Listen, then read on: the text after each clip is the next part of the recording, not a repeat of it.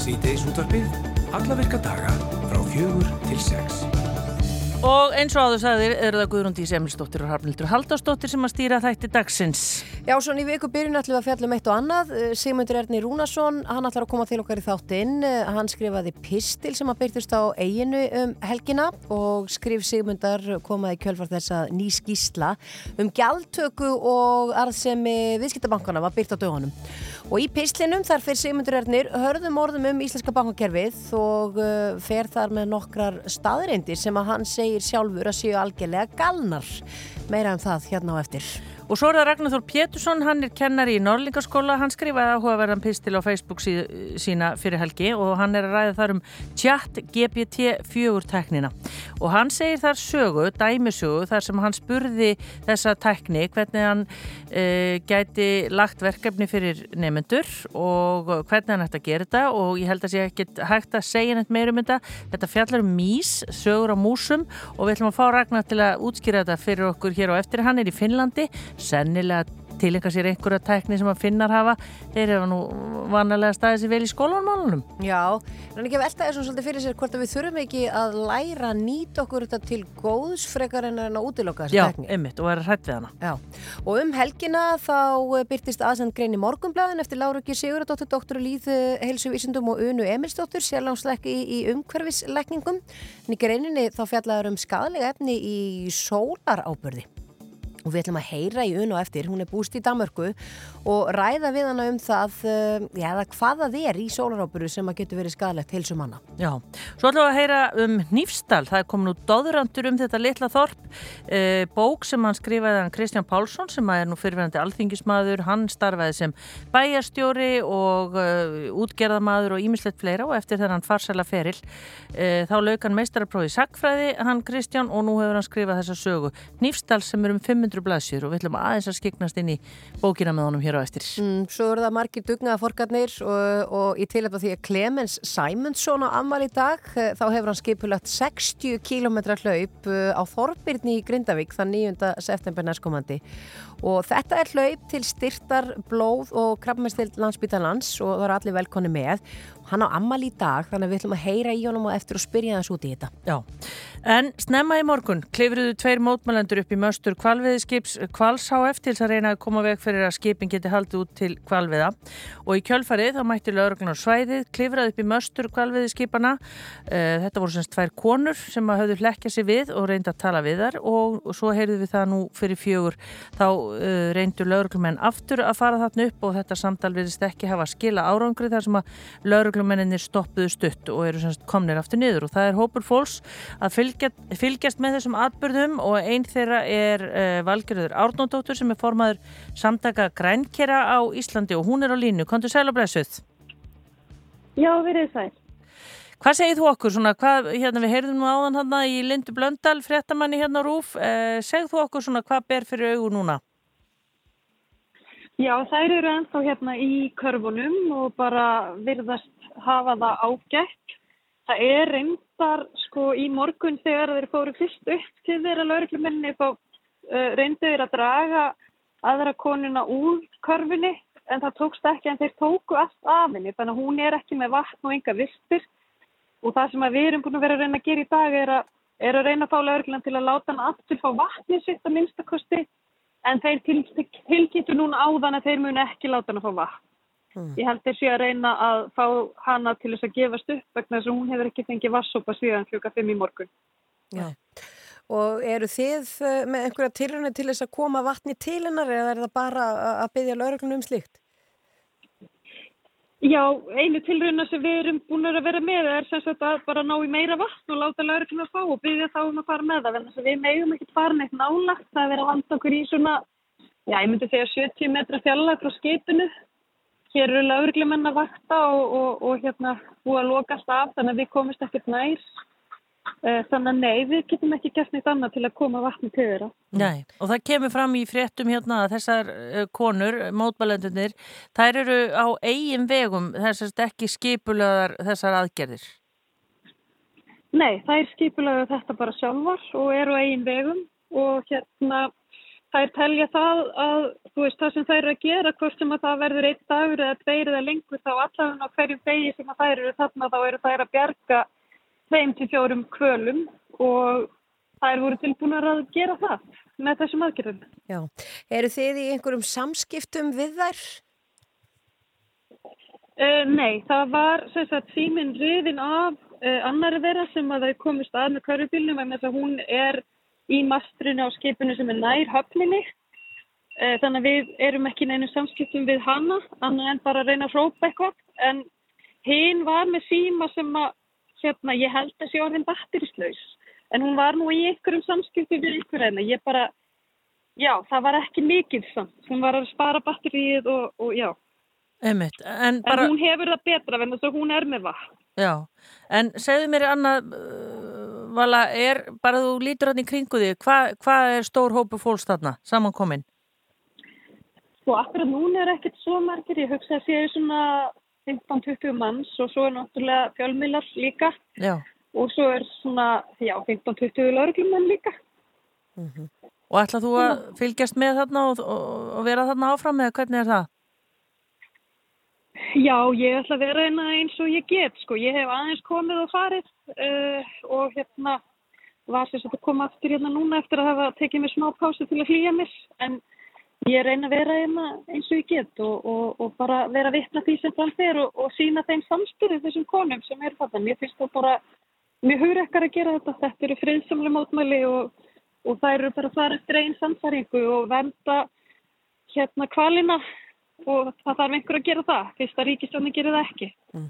Við fylgjast áfram með þessu máli Valgerður Átnundóttir formaður samtaka Grankjera á Íslandi Takk fyrir að vera á línni hjá okkur Takk fyrir að láta ykkur þetta varða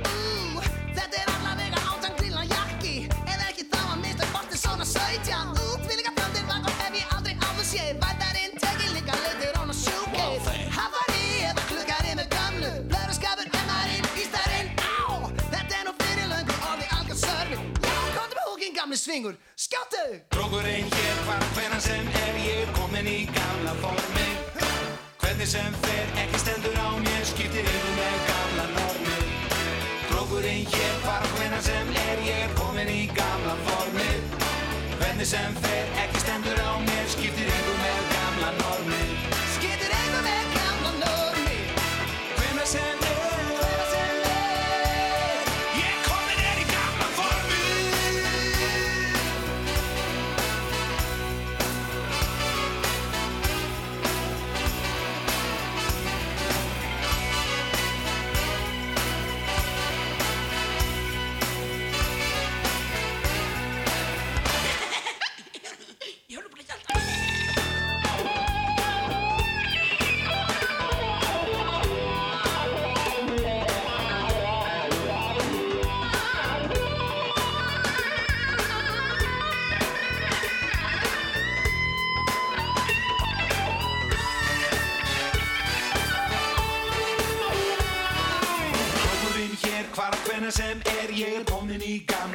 markið Ég kóran ber, ekki stendur á mér Skiptir ykkur með auka argir Rókurinn hér, hvað þennar sem er Ég er komin í gamla formi. Hvernig sem fyrir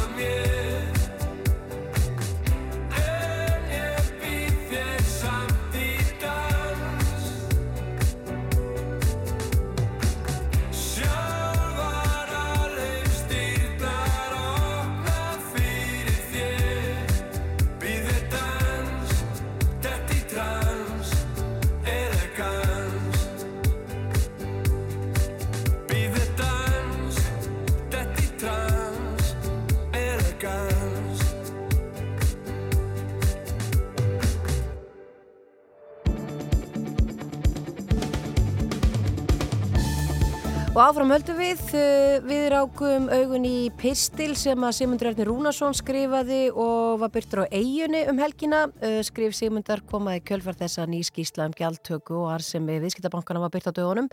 Og í Pistilum þar fyrir Sigmundur Erfnir hörðum orðum um íslenska bankakerfið og eh, fer þar með nokkrar staðrendi sem hann segir sjálfur að séu algjörlega galnar. Og Sigmundur er hinga komin, sæl og blessaður. Komið sæl og blessaður. Ég segð þú okkur aðeins frá intaki þessa pistil sem að þú ritar. Sko, útleiki var náttúrulega svo galna staðrind og uh, ég vil eða mér að segja svífurlega staðrind að uh, það kostar núna meira fyrir landsmenn að nota greiðslukort út í löndum heldur en að taka með sér seðla að heimann. Þetta er náttúrulega svo galin staðrind að ef þetta gerist einhvers þar annar staðar í heimi hér þá er þetta sennilega um byltingu að ræða. Mm. En Íslandingar eru orðin svo vanir þessu. Þeir eru orðin svo vanir að láta bankana og eftir atvikum Sæðlabankan og krónuna nýðast á sér að þeir grípa til lengra aðgefa. Gleimið því ekki að hér varð efnahagsrunn fyrir bráðum 15 árum og eða það byrjum 15 árum og e, þá fór fólk loksins út á göttur með pottu á pönnur og barðið á miskunlust fyrir framann alþingi og víðar um land og e, ástæðan var svo að fólk fann það á eigin skinni að það hafði orðið alvarlegur forsendubrestur fyrir nöttan skömmustuna að Ísland tapaði orðspóri sínu. En e, þessi forsendubrestur, almenningsskakvart bankakerfinu, hefur verið viðvarandi áratugum saman. Bankarnir hagar sér eins og ríkiríkinu, samkeppnin er svo að segja engin, það skiptir engum máli þá að veri einn banki hérna eða þrýr eða fjórir eða fimm, samkeppnin er svo að segja engin vegna þess að það þorir engin stór erlendu banki að koma hérna í krónahaggjörun og taka slægin, það veðjar engin annar en Íslandingur á krónuna og þess vegna kemur engin samkeppnað utan því miður. Og þess vegna sitjum við uppi með þetta bankakerfi okkar sem smyr mjög mikið á. Og fyrir vikið getum við bara hort á nýlega útrekninga það er 42% eru hærri yfirdræftavextur á Íslandi en í Danmörku, hjá venjulegum banka í Danmörku. Þetta er enga smá tölur. Það eru 68% hærri vextur á húsnæðislanum á Íslandi en í Danmörku. Hjá venjulegum almenningi sem fer í sinn banka í Danmörku. 68% hærri húsnæðisvextir. Vextir á húsnæðislanum og það er 118% herri vextur á bílalánum í Íslandi en í Danmörku. Uh, auðvitað geta bankaður einhverju til skilt sér á bakfið lélega krónu sem þarf að hafa hérna, belti og axlamöð til þess að hérna, missi ekki verkefnisitt og vextir þurfa að vera heiminn háir hér á Íslandi. En, en hvergi í Evrópu er hins vegar vakstamönnur meiri en á Íslandi. Það er allt, allt svo misræmi á því hvað lántakinn þarf að greiða í vexti og það sem innstæðaegandin ber úr bítum. Og þetta botnar allt í því, uh, mínu kæru, að hér á Íslandi erum við með gjaldmiðl sem er rauninni ekki gerður fyrir lántakandur. Hann er rauninni bara gerður fyrir innistæðeigundur. Og uh, hvað gerir þetta? Hvað afleðingar er á þessu? Við veitum að sko lántakandur eru helsta hreyfiðabli í hagkerfunu. Þeir taka lán fyrir nýju húsnaði. Fyrirtæki taka lán fyrir frekari stækkun á fyrirtækinu. Það eru lántakandur sem eru hreyfiðablið í hagkerfunu. Innistöðuegundur vilja bara hafa sitt á þurru undir þykkum púða. En það eru lántakandur sem eru hreyfiðablið og við erum alltaf að refsa þeim. En ég menna það er, ég menna, við verðum að taka lán. Við verðum Við að, erum að taka lán. Og, og hvað býður okkur þá? Nú er fólk að rekjast yfir í verðtrilán vegna ytri aðstæðan, vegna uh, verðbólgu, vegna hárra stýrivaksta sem uh, eru farin að býta mjög hressilega. Og uh, ef fólk fer yfir í, yfir í uh, þessi hefðbundnu uh, verðtriðlán, hvað gerist? höfðustótt 50 miljón krónar verðtriðsláns í tæplega 8% uh, verðbólgu, hækkar en 3 miljónar ári, höfðustóttan hækkar en 6 miljónar á 2 árum og hann hækkar en 15 miljónar á 5 árum. Þetta er bara tölur sem blasa við öllum almenningi á Íslandi. Hvað er að gerast núna fyrir unga fólki sem gat verið á föstum 4% vöxtum þegar það var að kaupa fyrsta, uh, sinni fyrstu íbúð. Það er að missa af þeim kjörum, smám saman, og afborgunir svona hvers mánar að venilegu 25 miljónar krónar láni fara þá úr 250.000 krónum upp í 400.000 krónur. Mm. Hvað er á þetta fólk, þetta unga fólk að fá 150.000 krónur þegar líka verið að hækka hérna, leikskólaplássið verða matfur og svo framvis. Það þarf Eh, alltaf að fara sko, yfir í verðtrilla. Já, vegna sem við rekjumst í sveiflukendu hagkerfi á milli þessara greiðslu fyrirkomulega og um, sko, hinga á ekki nóg. Ég bara segi við almenning sko, fyrst hann fór með pottur sinni á pannur út á götur fyrir 15 árum út á forsendubresti ætlar hann þá ekkit að taka á þessum viðvarandi, þessum mest viðvarandi forsendubresti sem þrýfst í skjóli Íslensk bankakerfis, Íslensk selabanka, Íslensk alþingis og Íslenska krónu. Á ekkert að gera, á bara að láta þetta vera eins og ekkert sé. Já. Eh, Sko ég er búin að búa við þetta alla minna fullonins tíð og láta nýðast á mér með þessum hætti og ég er ekki barnana bestur, ég er ekki ennþá færin út og guttur. Ég er þá að skrifa og ég er þá að æpa með þessum hætti vegna þess að ég á börnum og þetta er byrja að hérna, hafa áhrif á þau nema þau börnin mín sem búi í útlandum og til dæmis eitt strákurinn minn býr í Svíþjóð. Hvað býðst ungum eh, húskaupöndum í Svíþjóð? Fyrir sjónleiki fyrir sjónleiki. Rúnarsson minn veit hvað hann mun borga í afborgun af íbúinu sem hann ætlar að fara að kaupa í haust eða í vetur á næsta ári, eftir 10 ár og eftir 20 ár, fyrir sjáanleiki.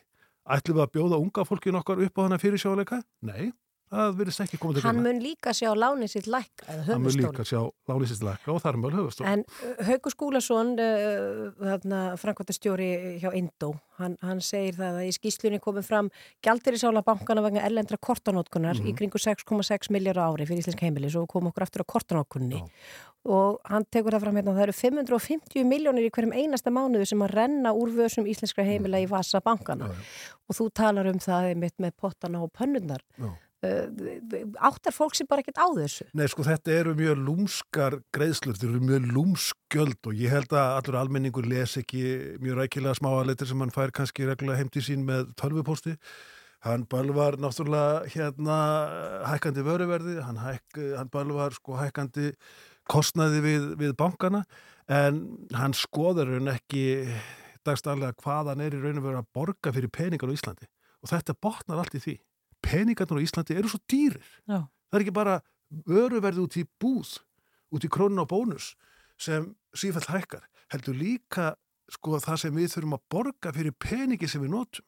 En af, Þetta botnar allt í því að- Ís- peningurinn í Íslandi er allt og dýr. en af hverju eru við svona, ég ætla nú ekki að nota orðalegi sko lélegir sko viðskiptavinir eða neytendur. Af hverju eru við svona ekki nógu vel meðvituð um þetta? Sko ég held að þetta sé partur af minnumáttakend og blandi við stórmerkurbrjálæði. Uh, við erum svo stolt, við erum eigaskeggjar og það er eðli eigaskeggjar að vera stoltir. Við þurfum að réttlæta tilveru okkar út í út nára, hér norðarlega í Allandshafi og uh, við erum svo stolt af því að hafa fengið fullveldi á sínu tíma árið 1918. Við erum svo stolt af því að hafa eignast sjálfstæði, að við viljum ekki gefa neitt afslátt af því.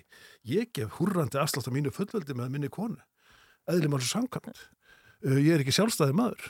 Ég bý með konu. Já. Ég bý með hérna, fjölskyldu minni og gef afslátt af mínu fullveldi og, og sjálfstæði. En við viljum ekki vilja gera það. Við viljum vera einn og geta retta okkur sjálf.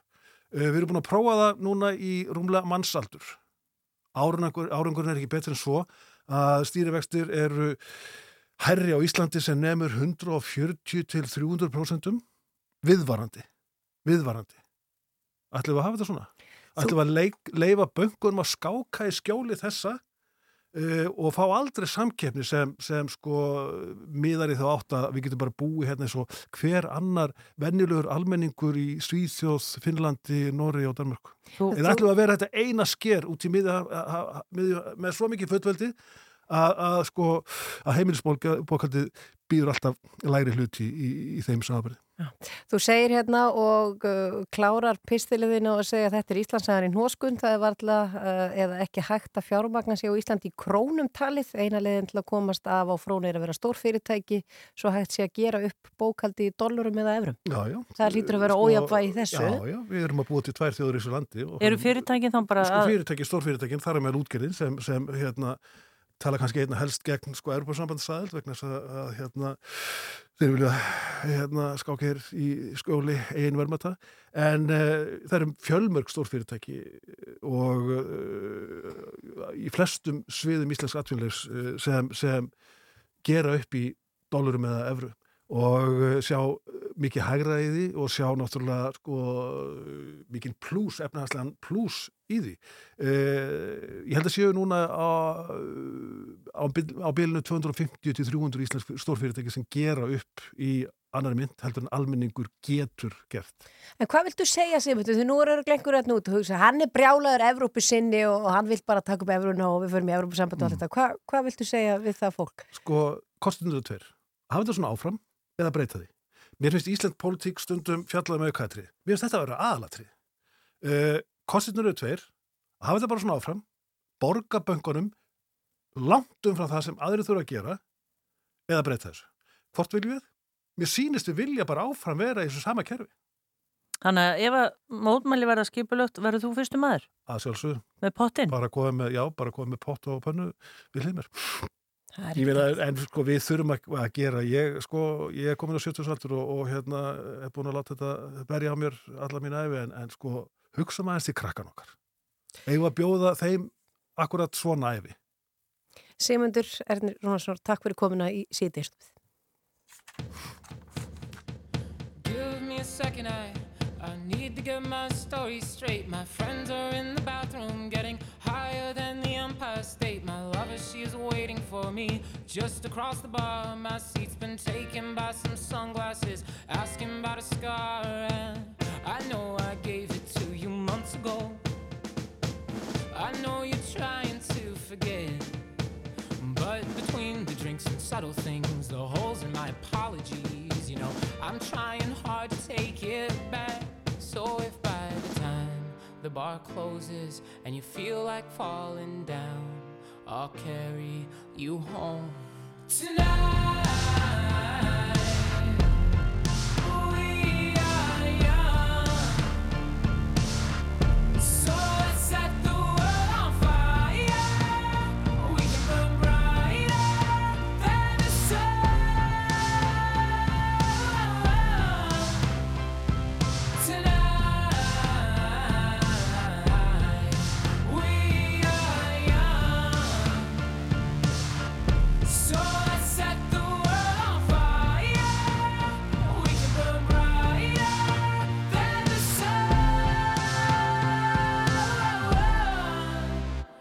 No, I know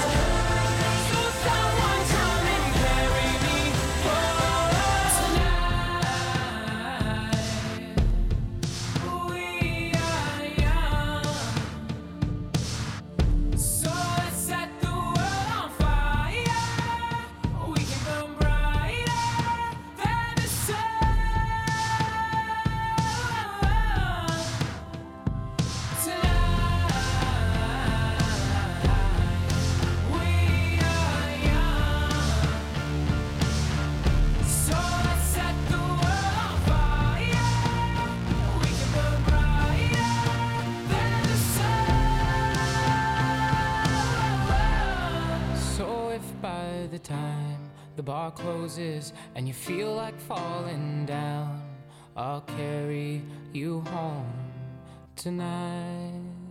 Þú ert að hlusta á síðdeis útvarpið á Rástvö. Við erum Rástfö. Fyrst og fremst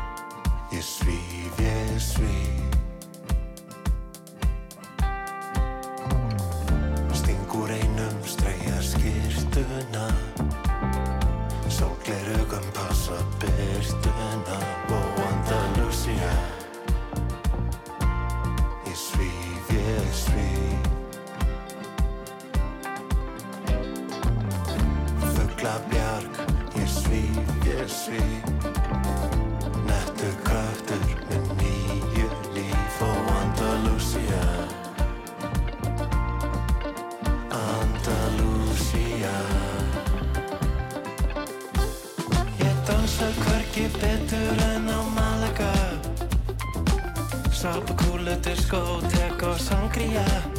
Wow, ég dansa hvergi betur en á Malaga Skvísurnar á barnum voru að segja það. Wow, ég dansa hvergi betur en á Malaga Sápukúlu, diskótek og sangria. Wow, ég dansa hvergi betur en á Malaga Skvísurnar á barnum voru að segja það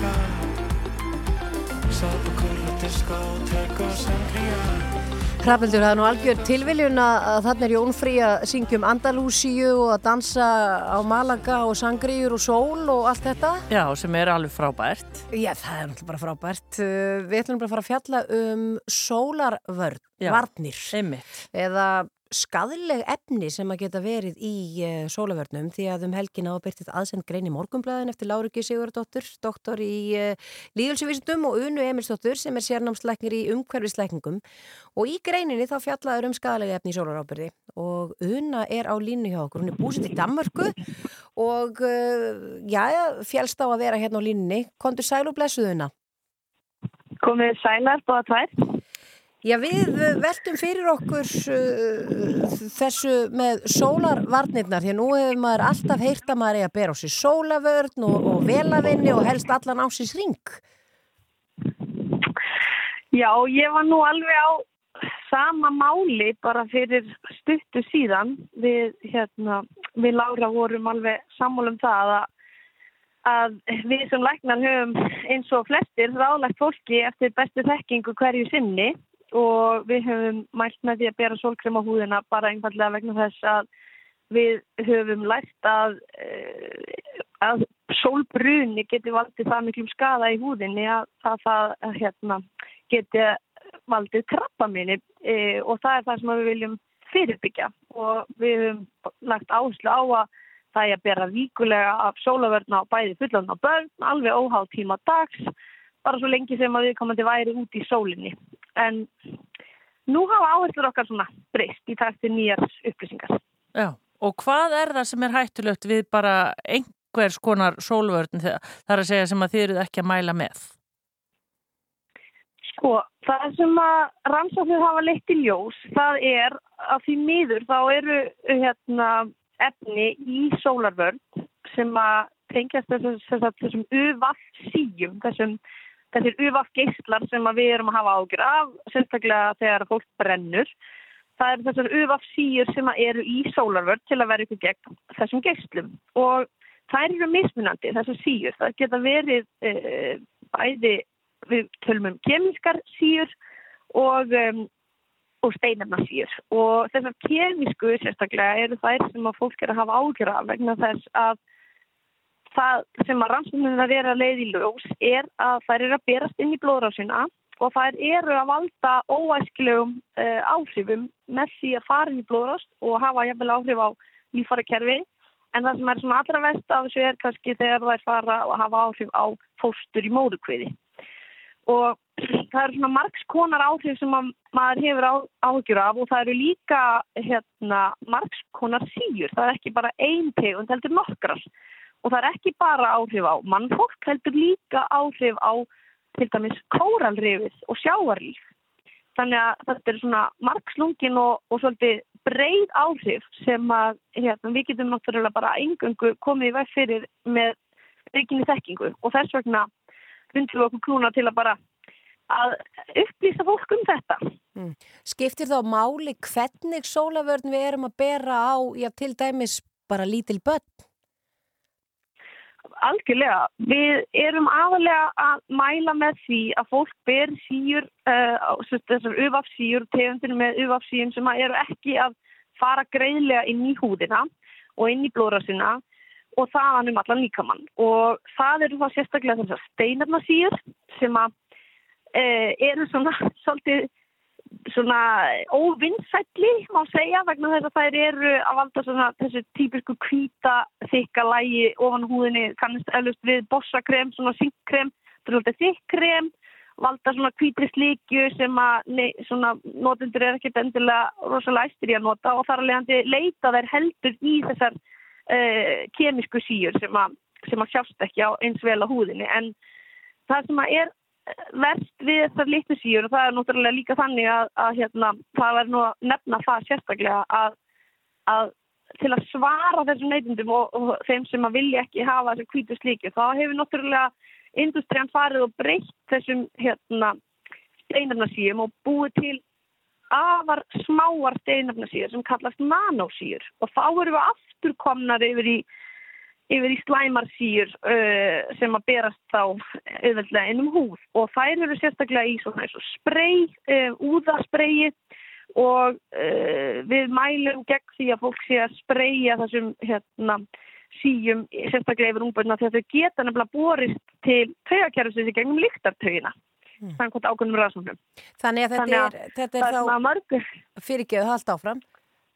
Nei, bara, bara það þarf að huga að mörgu og þess vegna ákvaðu að setja bara í eina stóra grein uh, saman til að búa til svolítið svo litlar leifinningar fyrir fólk og bara vita hvað, hvað á að forðast og hvað er best að nota og svo uh, munum við sannlega að þurfa að búa til einhvern lista yfir mjög örugar og góðar sólavarnir vegna fjölda fyrirspunna. Já. Já. Þannig að, þið, þannig að sérstaklega að þar maður að passa sig og passa hvað maður er að setja á börnin og freka þá setja þetta þykka, þess að þykku kvítu sólavörn á börnin og uh, bassafandi konur fyrir að passa sig en við hinn sem erum orðin já, eldri og, og, og allt þetta, eigum við að passa okkur jafn mikið eða, eða hvernig er það? Sko, fyrsta í fyrsta lagi þá langar okkur svo litið að leiðrétta bara okkar hegðun í sólinni. Sólinn hefur fengið á sig svolítið slæman stimpil sem einhvers konar óvinnur og sólinn má bara nánast ekki skína á húðina þá erum við að gera einhvern, einhvern óskunda sem að, sem að er bara ekki alveg rétt. Uh, við þurfum aðeins endur hugsa hvernig við hugsum um sólina því að það, það frýst ekkert líf hér á jörðu án sólarinnar.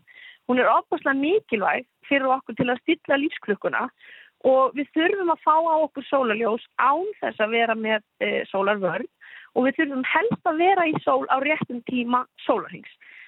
Af því sögðu þá eigum við alls ekki að brenna í sólinni þannig að við eigum ekki helst að vera í sólinni þegar hún er sem sterkust og eins og við erum gjörna á að gera fara út og gjössalega steikja okkur uh, í sólinni. Það er til kemur að, að það er mikilvægt að nefna að sumar sólavarnir og síður í sólavarn hafa reynst vera enn skadlegri þegar að fólk liggur í sólarljósi þar að segja þegar þú ert með sólavarnina á þér þá er hún sérlega hérna, sérstaklega að mynda synduröfni þegar hún verður fyrir áhrifum sólaljós. Þannig að, og, þá, og sumar meira segja enda meira þegar það verða fyrir áhrifum sólaljós og að maður er í vatni, sjóð eða, eða sundlaug. Þannig að þessi, menning sem við erum með að vera rosa mikið inni og fá ekki á okkur morgunsólina en fara svo út og steiki okkur alveg þegar hún er sem sterkust. Það, það þarf aðeins að endur skoða það. Við eigum að leita í skugga nota fatnað og hatta þegar hún er sem sterkust en svo hefur að njóta þess að fá á okkur sólaljós þegar að um, það er skín morgunsól til dæmis og, og, hérna, og, bara, og nokkur sinnum yfir daginn. Þannig að við þurfum að endur skoða það í fyrsta lagi. Svo í öðru lagi þá þurfum við að bera á okkur sólaverð sem er algjörlega óskadleg og sérstaklega fyrir börn og þessu eru viðkvamari og óléttar konur alveg sérstaklega til að vernda sín fóstur og þá erum við að tala um uh, þegar við erum út í sól og við getum ekki uh, verið í skugga og við vitum að við erum að fara að vera of lengi og við eigum að hætta að brenna. Þá setjum við á okkur sólaförn og þá, eins og ég segi, þá helst að vera laus við ilmefni, laus við skadileg, hormonaraskandi efni og, ska, og skadilegar ufafsýr. Þetta eru mjög þarfir og góði punktarfina. Já, við... Margsvísari hérna. Algjörlega og við bendum á þessar greiningar í mókanum í dag og það er sem sagt ekki, á ekki að vera flóki fyrir fólk að finna þá þessar varnir sem eru, þið mæli með.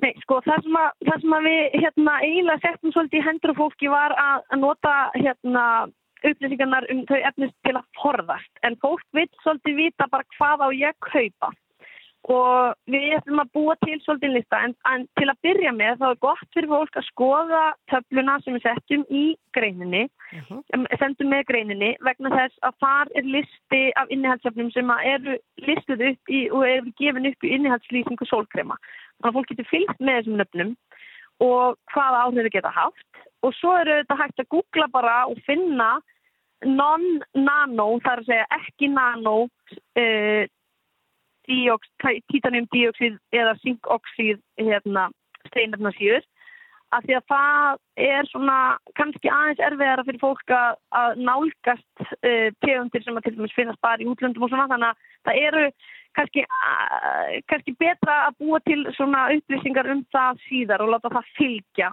Þetta er ákveðin listi af örgum sóluvörnum en það eru hægt að fylgja þessum stiplum líka sem við settum með í greinina uh -huh. svansmerkingin og ónamis og asmamerkingin sem er mjög, mjög góð byrjun og góður vegvísir til að byrja með. Akkurat, þetta snýst ennu einu sinu um það, Rafnildur, að við séum daltu upplýstir og, og klári neytendur. Einmitt það. Una, og vera tilbúin að breyta til. Já, akkurat. Una Emilsdóttir, sérnámsleiknir í umhverfisleikningum Takk kellega fyrir að vera á línunni hjá okkur og við hlökkum til að fylgjast með þessum lista sem mun koma frá ykkur stöllum. Já, bara mín var ánæg Takk fyrir að ringja Til í þetta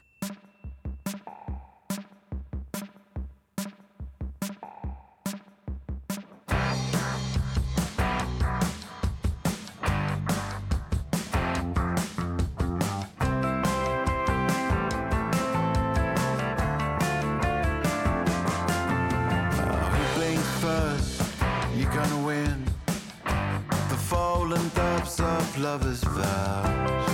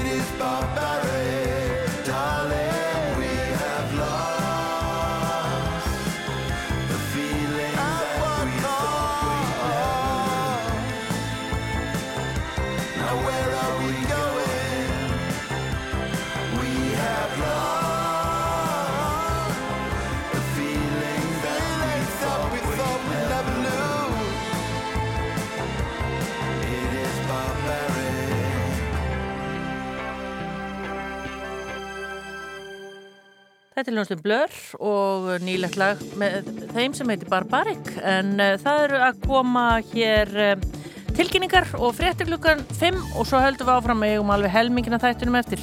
Bara ekki langt.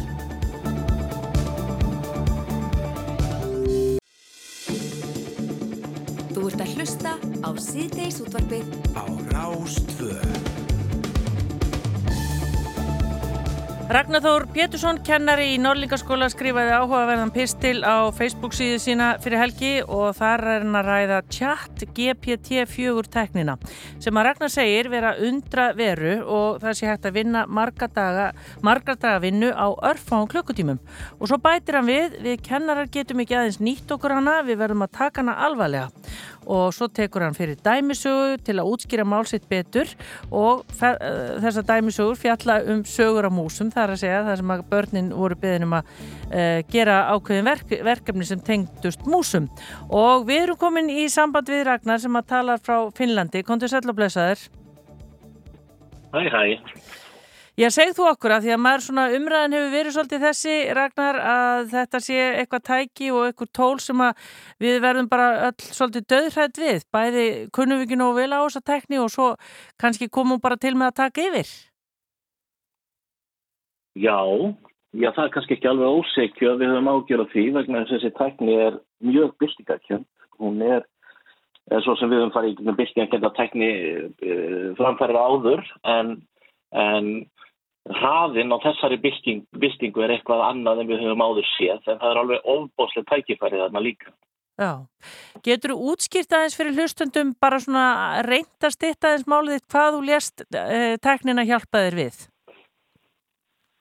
Já, ég er búin að vera að hann að hjálpa mig við ímislegt en ég tók dæmi að því að ég, ég setti færslu inn í hóp sem við kennarar höfum til að ræða saman þar sem að ég tók dæmi af tveimur sögum sem að, sem að lítil börn hefur getað skrifað og sög á bjaga, bjagaðir íslensku með stafsetningavillum og alls konar vannkvöntum og ég fóðuraði gerfigreindin á þessum tveimur sögum uh, sem voru um, um mús sem að fyrir ferðalag og var jetinn og svo baði ég gerfigreindin að gefa endurgjöf á söguna og, og það var einfallega þannig að endurgjöfin sem gerfigreindin gaf var bara endurgjöf í hæsta gæðaklassa sem að kennari hefði orðið stoltur af. Já, uh, ég menna þú talar hann um í þessari fæslu sko að þetta sé náttúrulega í fyrsta lagi ótrúlegt að þetta skulle vera hægt og þetta er náttúrulega gríðalegu tímaspartnaður þegar það þarf að fara yfir kannski 30 slík verkefni. Já, en, en auðvitað vandin sá að, að það er líka þetta skrifa allir þessi verkefni með gerfigreindinni þannig að nefndur átt að sjálfa á því líka og ef við erum komin á þann stað að, að skólinn virta þannig að nefndur að kenna að skrifast á með gerfigreind þá, þá getum við alveg streyið ykkur í hljóð og gert eitthvað annað Já. Þannig að það er sannlega þarna tímaspartnaður en, en þetta gefur líka tækifæri til að frí okkur bara frá hvernig handavinnu, svo andleiri handavinnu og einbætt okkur að mikilværi hlutum. Já, en hvernig komum við í veg fyrir það að við fyrum ekki að tala öll saman bara í gegnum ger gerfigreindina? Það er ymsa leiði til þess. Í fyrsta lagi er ágætt að við bráttum okkur á því, á því við til haldið að við séum eiland í þessum efnum. Gerfigreindi núna skilur íslensku fullkomlega vel. Þú getur matað hann á gamlu samræðuprófun, hún veit svörin við það. Ég mataði gerfigreind á kapla á gíslasögu, kaplanum þar sem Vérstedt segir nú falla vart í dýrafjörðar og gerfigreindi skildi ekki bara textan, heldur gæti hún spáði hvað myndi gerast næst, að gísli myndi lenda í háska og hún meins að spáði rétt fyrir um hver það væri sem líklegastur væri til að valda um skada. Gerfigreindin og íslenskan er orðin samtunnið og við erum í farabort í heiminum í þessari tækni. Það sem við getum gert er að nota þessi verkværi til þess að flýta fyrir okkur og, og, og fara að diffka sér þá þessi uh, námið sem fyrir fram í skólanum. Og það sem kannski er dálítið til marsum það að við verðum dálítið först innan okkar tæknilegu hamla, hamla er að hérna að þegar börn eru 6-7 ára þá faraði úr því sem við kallum leikskóla þar sem að öll áherslan er á leik og upplifun og sjálfstýrt nám og yfir í það að þau að sitja við borðallan daginn vegna sem við letum bóka á borðinu eða kennar upp á töfla að tala. Þessi tíma er einfallega bara búin. Gerðvigrendin í raun og veru getur leist þetta á fólunni og við getum daldið bara aftur í rætturnar og láti nefndu vera meira sjálfstýrandi, meira virka og meira áhuga sama í námi og þá jafnvel einhver leitt unni á móti því sem að verið stjóra stóra vandamála okkar í auðvöldi barna og það er leiði og, og skortur á lífsleiði. Já, en ég meina segjum að barn væri að nýta sér að tækni og þú sem kennari væri að fylgjast með hópnum og það kæmur svona aðtóasemtir frá tækninni um að þú gætir dýfka frásögninu og eitthvað slíkt. Ræður kennarin við það að vera bæði að tala þarna við tæknina og barnið? Ég sko, sá tími held ég þessi liðin sem að því miður bara allt okkar vendagerfundum til snúist um að nám felist í því að þú lokir þig af dögum saman fyrir framann sko réttfél með skjá og hugsir í einrúmi það sem þú ert að gera og skilir svo frá það einhvern texta á bladi. Það sem við getum gert núna er að við getum farið aftur í áhersluna á það að í raun og veru tala meira saman, hugsa saman, leifa börnum að koma í skólan og fá hugmyndir, rökkræða, hugsa og svo hjálpa gerfigrendi við það að gefa þessu öllu fallega búning í lokinn. Ragnar, nú er þetta sem þú ert að segja, þetta er mjög, já, eflust rótækt í hugum margra það sem þú ert að segja. Hvernig, hvernig bregðast aðrir kennara við og aðrir sem að þú ert bara að já, ræða þetta við? Og flesti kennara held ég bara verði steinhissa alveg eins og ég var sjálfur þegar ég sjá hvað þetta er komið langt. Og, og, og kennarar eru alltaf fannig að, að, að þeir þeir vilja gera vel og þeir vilja gera sem best og þeir vilja halda sér upplýstum en, en þeir viti ekki alveg hvernig að gera og ég hef kannski ekki svo miklu ágjör að kenna hann, þeir verður alveg skera sig. Ég er meira ágjör á þeim sem taka stóra ákvarðina sem, sem að eru sem sagt í stjórnkerfum landana og stýra því hvert mentakerfum fara. Vegna þess að gerfigreindin, við draumi þeirra um gerfigreind getur samfélagsins okkar verið falið. Það sem að það sem öðlast í raun og veru kennara sem að staðlar fólk með áður óþættri skilvirkni og, og leysir af hólmi kennara af, af lífi og, og sál. Já, en verður þetta ekki alltaf þannig að það eru einhverjir sem eru færari í þessari tekni heldur en hinnir? Það er að segja, uh, nú er ég ekki að taka þig sem dæmi en þú ert komin greinlega svona svolítið vel á veg með þetta og ég sé að það eru alls konar komment hérna hjá þér í þessari fæslu á Facebook en svo eru kannski aðrir sem að einhvern veginn hafi ekki náðu að tilenga sér þetta og missa bara og eru aðeins byrjar að missa af. Hvernig metur það?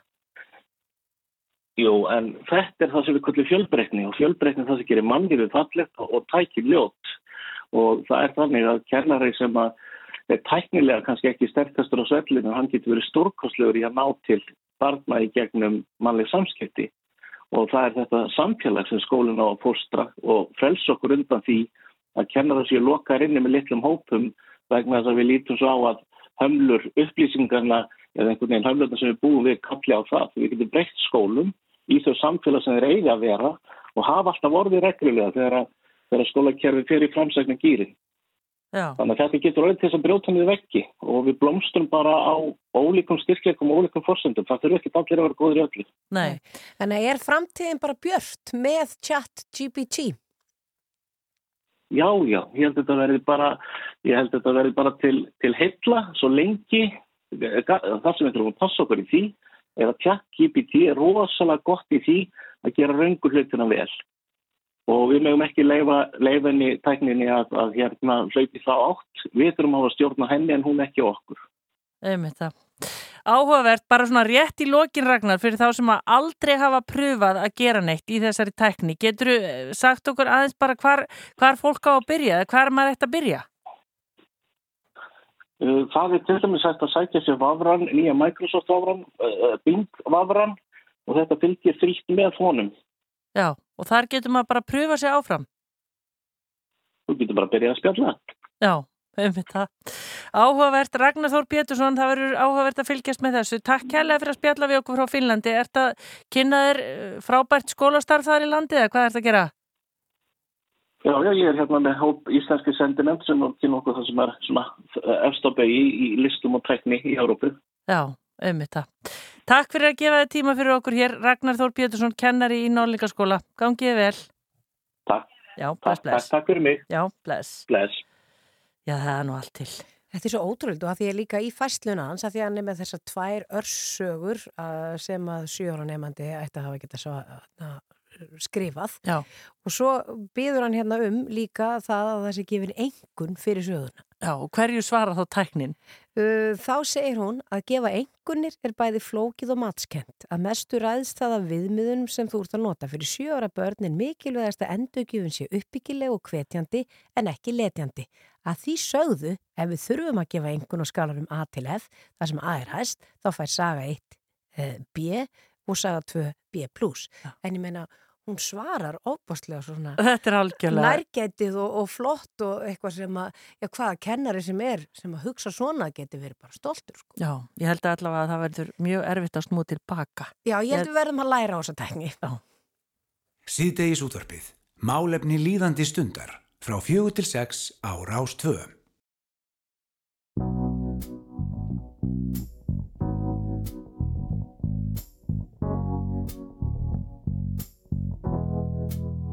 Knew the signs wasn't right. I was stupid for a while, swept away by you, and now I feel like the fool. So confused, my heart's bruised.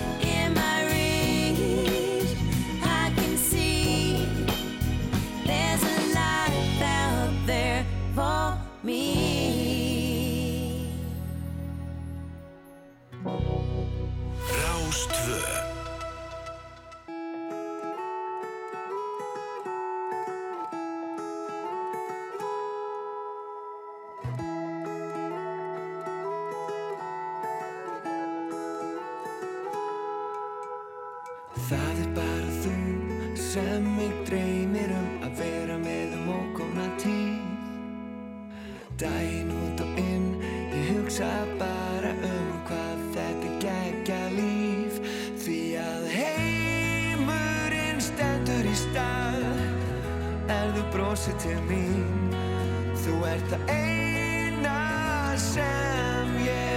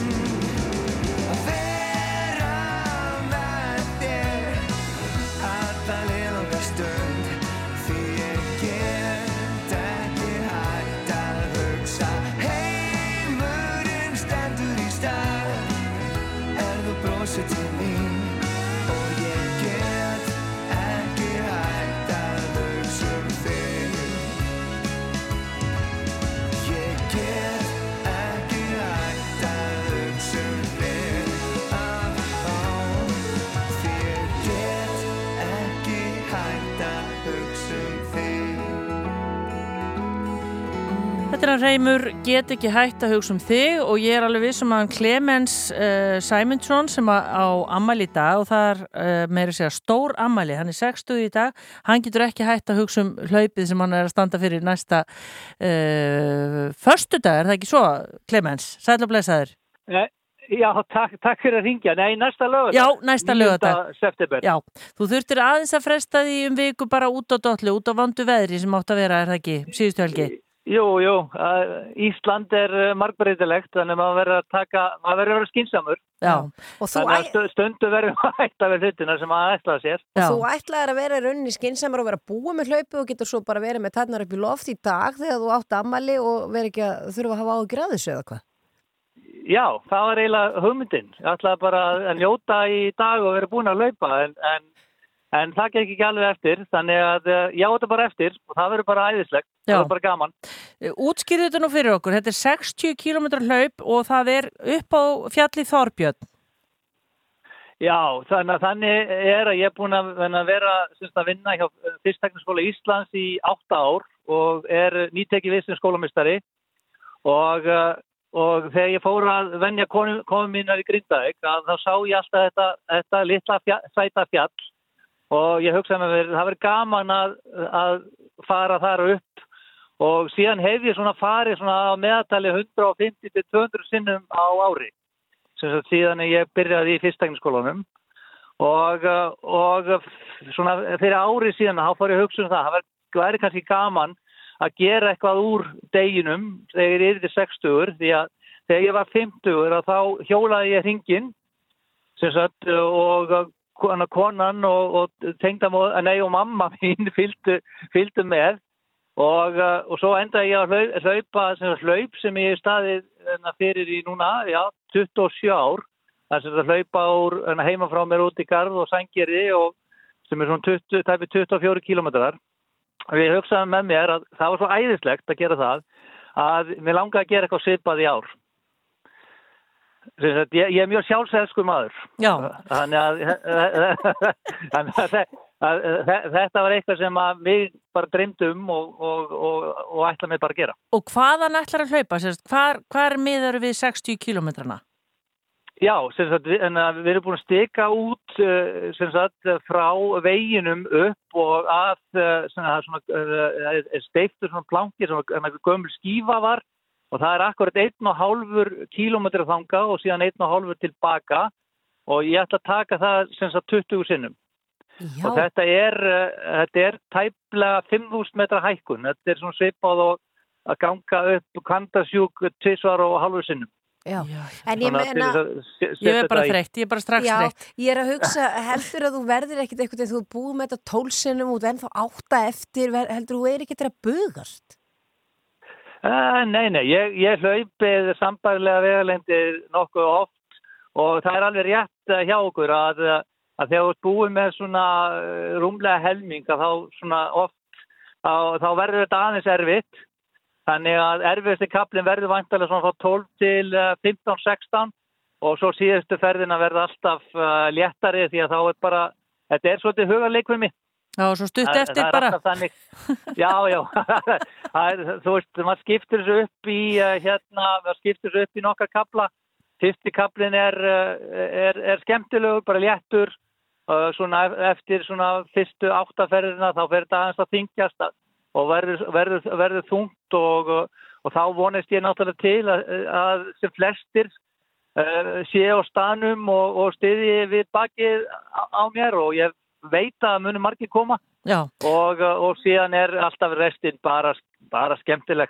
já, en, en Clemens, það er ekki bara sko styrkja þig, þú ert líka að styrkja hérna gott málefni, þú ætlar að, þetta ágóðin er til styrtar blóð og krabbminnstild landsbítalans og hva- hvaða köllun er það? Að, sko, það er þannig að, að fyrir 16 árum að þá greindist uh, konu mín með krabbamein og, uh, og þá sem sagt fyrir 10 áru síðan þá langa okkur að gera eitthvað sem sagt uh, en, og þá var það hugmyndin að styrkja þessa deild því að ég fór að spyrjast um hvaða en að, deildir kannski væri, væri svolítið út undan og þá kom þessi deild uh, upp í hugan og við, styr, við styrtum hana um tæpa miljón fyrir tíu árum og, og við ætlum að styrkja sama verkefnið í ár þannig að, að og, og, og síðan uh, dó kær vinkona eh, einmitt úr krabbameinin en sem sagt eh, fyrir á þessu ári og, og, og þá var, var nú einhvern veginn bara svona pottitt, já við, bara, við gerum þetta Já. Þannig að, Þannig að þannig að það er bara, já öllum frjálst að leggja inn á, á styrtareikning, er ekki hægt að finna upplýsingar Já. um það bara hvar, inn á fjersbókarsíðinni eða? Já, hún, hún er inn á fjersbókarsíðu minni og líka inn á hlaup.is Uh, það er þetta nálgast uh, upplýsingarnar þar. Já. og ég veit ekki hvort þið viljið fá hérna, Eh, ég er nú ekki með hérna. Nei, er nei, ekki við- við- Já, við, Nei, nei. týðir ekkert að, að telja upp reikningsnúmer, við seg- hvetjum bara fólk Nei, annarkvæmt nei, að fara inn á Facebook síðuna þína eða inn á hlaup.is en loka spurningin uh, hvað ætlar að gera í dag meira? Og þetta ammali í dag, sko, þú ert 60 í já, dag. ég, já, ég bara þa að þakka fyrir uh, hverja mínundu sem maður hefur í þessu lífi. Þannig að ég er að taka núna fjölskylduna, stór fjölskylduna út að borða. Og, og svo en að sem sagt koma hérna bræður, sískinni og makar og, og, og sískinni og, og sístur hérna konunum minnar eh, til, mín í, til okkar í kvöld. Þannig að það er nóg framöndan Já. þannig að það verður bara skemmtilegt Hvað, og uh, hvað ætlar að borða í, í kvöld og svona í, út vikuna? Er það bara kolvetni sem ert að fara að hlaða þau upp á til þess að hafa orku á lögadaginn? Það er svo, það er svo skemmtilegt sko að ég er hérna næringar og matvælafræðingur að ment og uh, ég er oft spurður að þessari spurningu sko hvað borðar og en, uh, ég segi alltaf ég borða allt og ég borða mikið af því. Og, og hérna þannig að ég mun bara njóta í, í kvöld og næstu dag að, að reyna að, að, að tróða eins miklu í mig eins og ég get þannig að ég verði sagt líkaflega undir, undir búin, að, búin að hlaupa á lögadagi. Þannig að, hérna, þannig að uh, núna er bara sagt, kvildadagar framundan og, og að reyna að sapna, en sapna orku í líkamann. Þannig að þetta er alltaf skemmtilegustu dagarnir. Já, við segjum bara enn og aftur til hamingi. annars, annars, borða ég, annars borða, ég bara, borða ég bara það sem að að ég sé hverju sinni, ég er ekki mjög matvandur. Nei, segir hann sem er búin að stúta þetta allt saman. Clemens Sæmundsson, enn og aftur til hamingi með ammalið, þetta er á laugadaginn sem þú ætlar að hlaupa 20 sinnum á Þorbjörn við Grindavík og allir velkomnir að fylgjast auðvitað með og taka þátt í þessu allar upplýsingar inn á Facebook síðunniðinni einarhlaup.is sem að vilja leggja þessu máli lið. Herðu bara takk hella fyrir að ringi í mig og, og hérna, ef þið hafið tíma, endilega Ég sendi Gunnu. Ég sendi Gunnu. Takk fyrir spjalli Bless, bless. Já, bless, bless Gunna, ekki til í það? Trúlegu maður. Já, magnaður. Já, ég er ekki að fara að hlaupa upp neitt fjall. Ég get ekki einu svona gengið upp það held ég. En við sjáum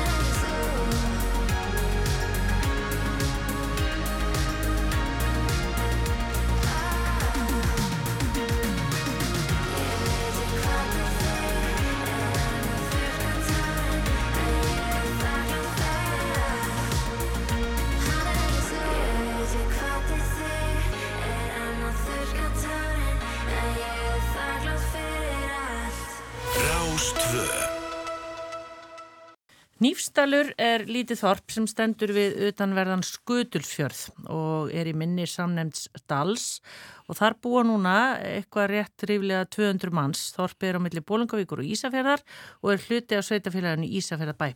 Og nýverið kom út bókin Saga Nýfstals eftir Kristján Pálsson sem er fyrirhandi alþingismæður, uppalinn á Ísafjörði en hefur starfað sem sjó og útgerðamaður, bæjastjóri og ímislegt fleira.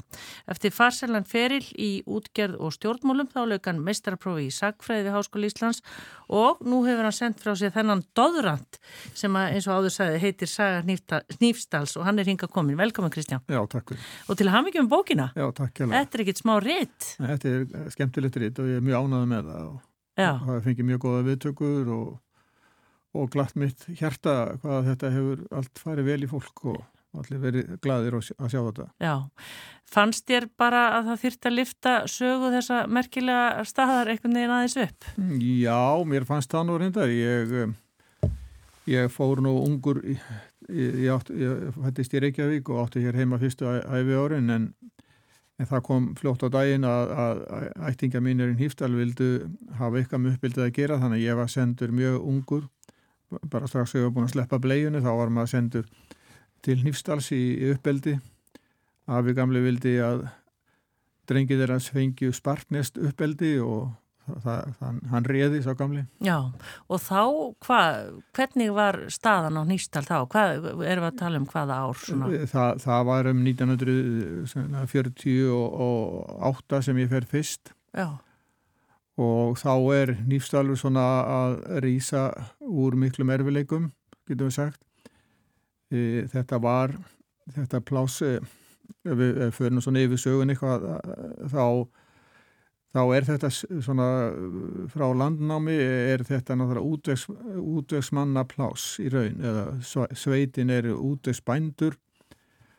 Og þarna þrýst í gegnum tíðina svona þrýfst, mikil átökum eignarhald á þessu svæði því að það var mjög verðmætt að eiga, eiga eh, sveit þar sem var útræði og þannig var, það var slegist um þetta af, af ríkustu ættum vestverða eins og eins og vassfyringum og svo ög, ögurmönnum og þeim sem áttu allar jarðir á vestverðum á sínum tíma. Já. Þannig að, þannig að, þannig að Nýfstalur var svona eftirsótt og, og, og þar, þar voru miklir framkvæmda menn og, og, og stundum auðvír menn og sá sem kefti þetta, kefti, kefti Nýfstal þannig hann varði að endingu í eigun Nýfstjalinga var Jón Jónsson sem var lauröttumæður og hann kaupir allar jarðirnar í Nýfstal árið 1763 og síðan hafa þeir verið í höndum nýfstalinga í raun. Já. Eitthvað eitthva hefur það kostað? Já, það kostaði 400 ríkistali sem var mikill peningur í þá daga og, og hann uh, auðgaðist af ymsum uh, frangvandum sínum og, og, og rekstri. Móður hans hafði, komið frá fjallaskagi dýrafyrði og hún virðist hafa komið með einhvern auð með sér því að hún held þarna úti skrifurum og þarna voru rituð upp gömul handrit úr erbyggju og úr, það voru þýttar þarna bækur og fleira þannig að var, þetta var svona aldrei svona men, menningarlegt umhverfi í rauninni. Já. Nýfstalur saminast svo hérna auðvitað miklu setna 1971 Ísafjörðabæ. Já. En þarna býr alltaf kjarni og auðvitað risastór atvinnureikandi í bænum. Já. En var það óumflýjanlegt einhvern veginn að saminast Ísafjörði á sín tíma? Sko, Eirarreppur var, var til, fyrst var það reynda Skudlusverarreppur og síðan Eirarreppur og, og þetta er samena sveitafélag, allir Skudlusfjörður er samena sveitafélag til ári, ársins 1867 þegar að þegar að tangin sem kallaða var þá sem er Skudlusfjörður Eirin inn í Skudlusfjörði dróð sig út úr sveitafélaginu og vildi verða saminaður. Kaupmenninir á Ísafjörði vildi ekki vera með sveitamönnunum, vildi hafa frið fyrir þeim og, og óskuði eftir því við kongin að verða sérstakt sveitarfélag og þannig var Ísafjörður til. Þeir, það var þeir sem fór að kalla tangan Ísafjörð og þarna var þá til þessi kaupstaður.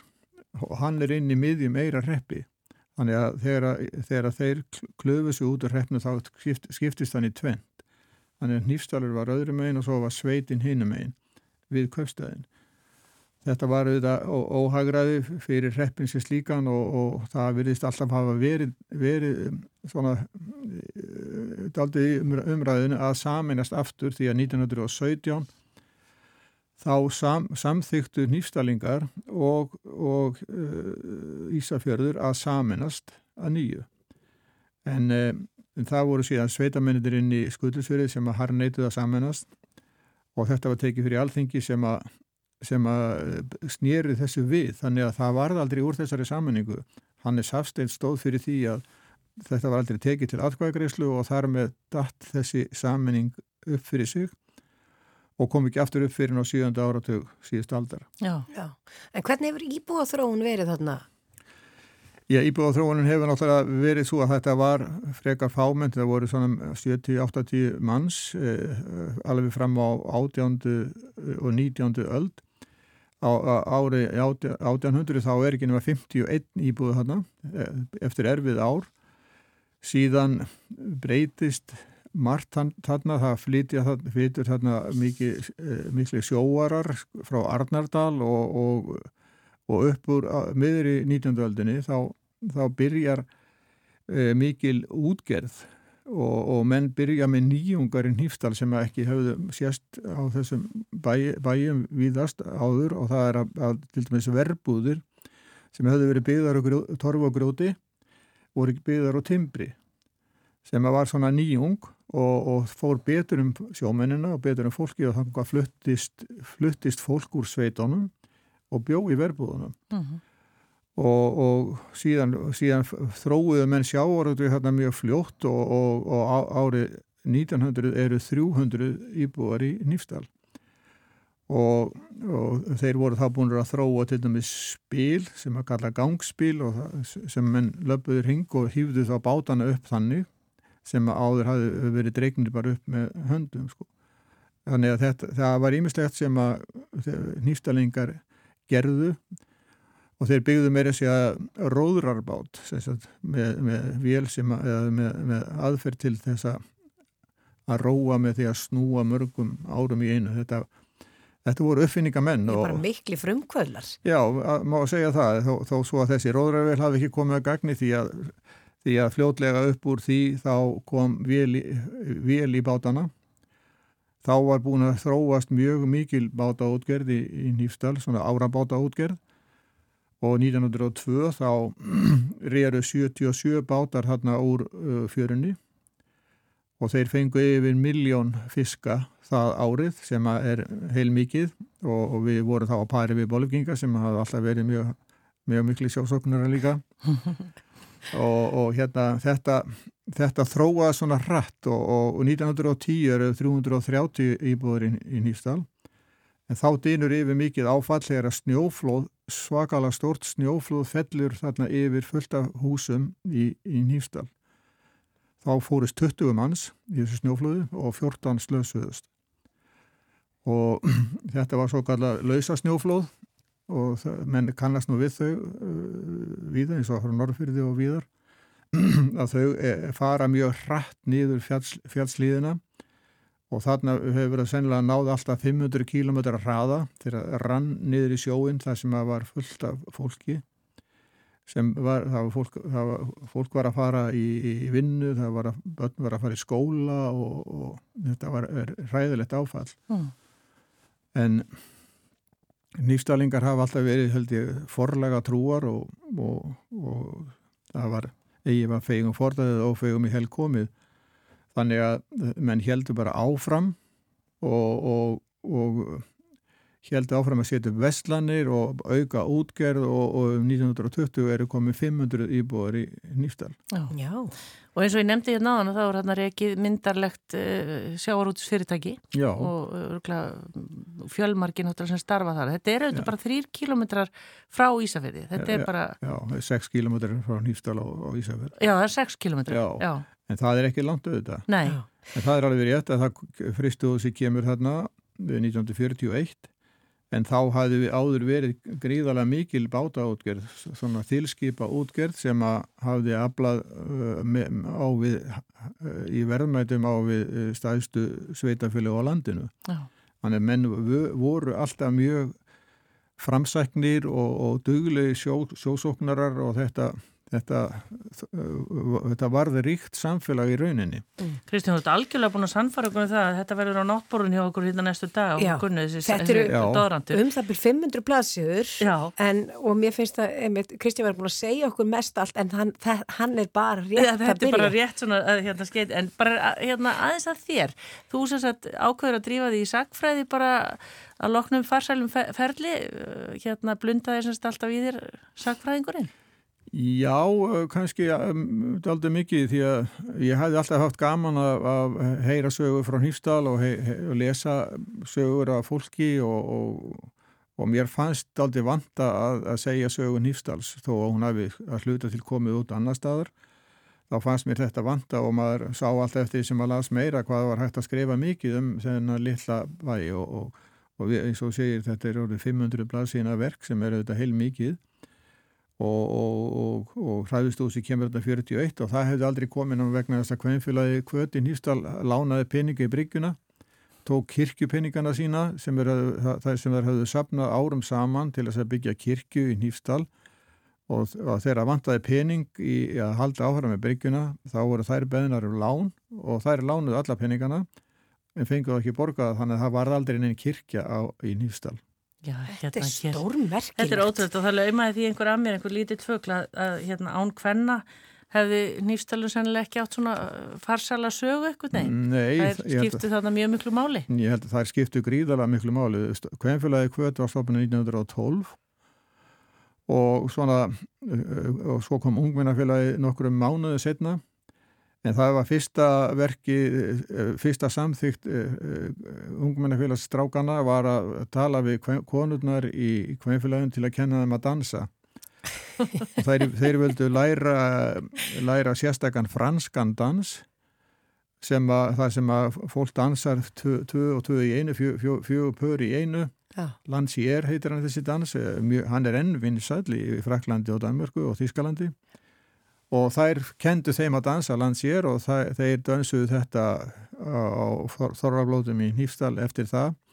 Þeir nú hættir í reyndar í dag en, en það dansar engin alveg í dag en, en, en svona þetta Þetta var strax rosalega me- merkilegur félagskapur, þetta kvenfélag og, og, og, og þegar við vorum með, með kynningun á bókinni núna á, á fimmtudaginn, þá höfðu þær samband uh, við Kristján Frey og sögðan að þær myndi vilja vera með kaffi og, og kleinur og, og pönnukökur. Já, þetta er magnaða konur. Magnaðar. Lifi kveðfélagi til hamingi með bókina Já, takk Kristján fyrir. Pálsson, Saga Nýfstals og hún auðvitað fæst í öllum betri bókaveslum, Já, eða ekki? Eymundsson í dag og, og, og Víðar Já. vonandi fljótlega. Takk fyrir komuna í Takk síðdeis hérlega fyrir mig. Takk fyrir.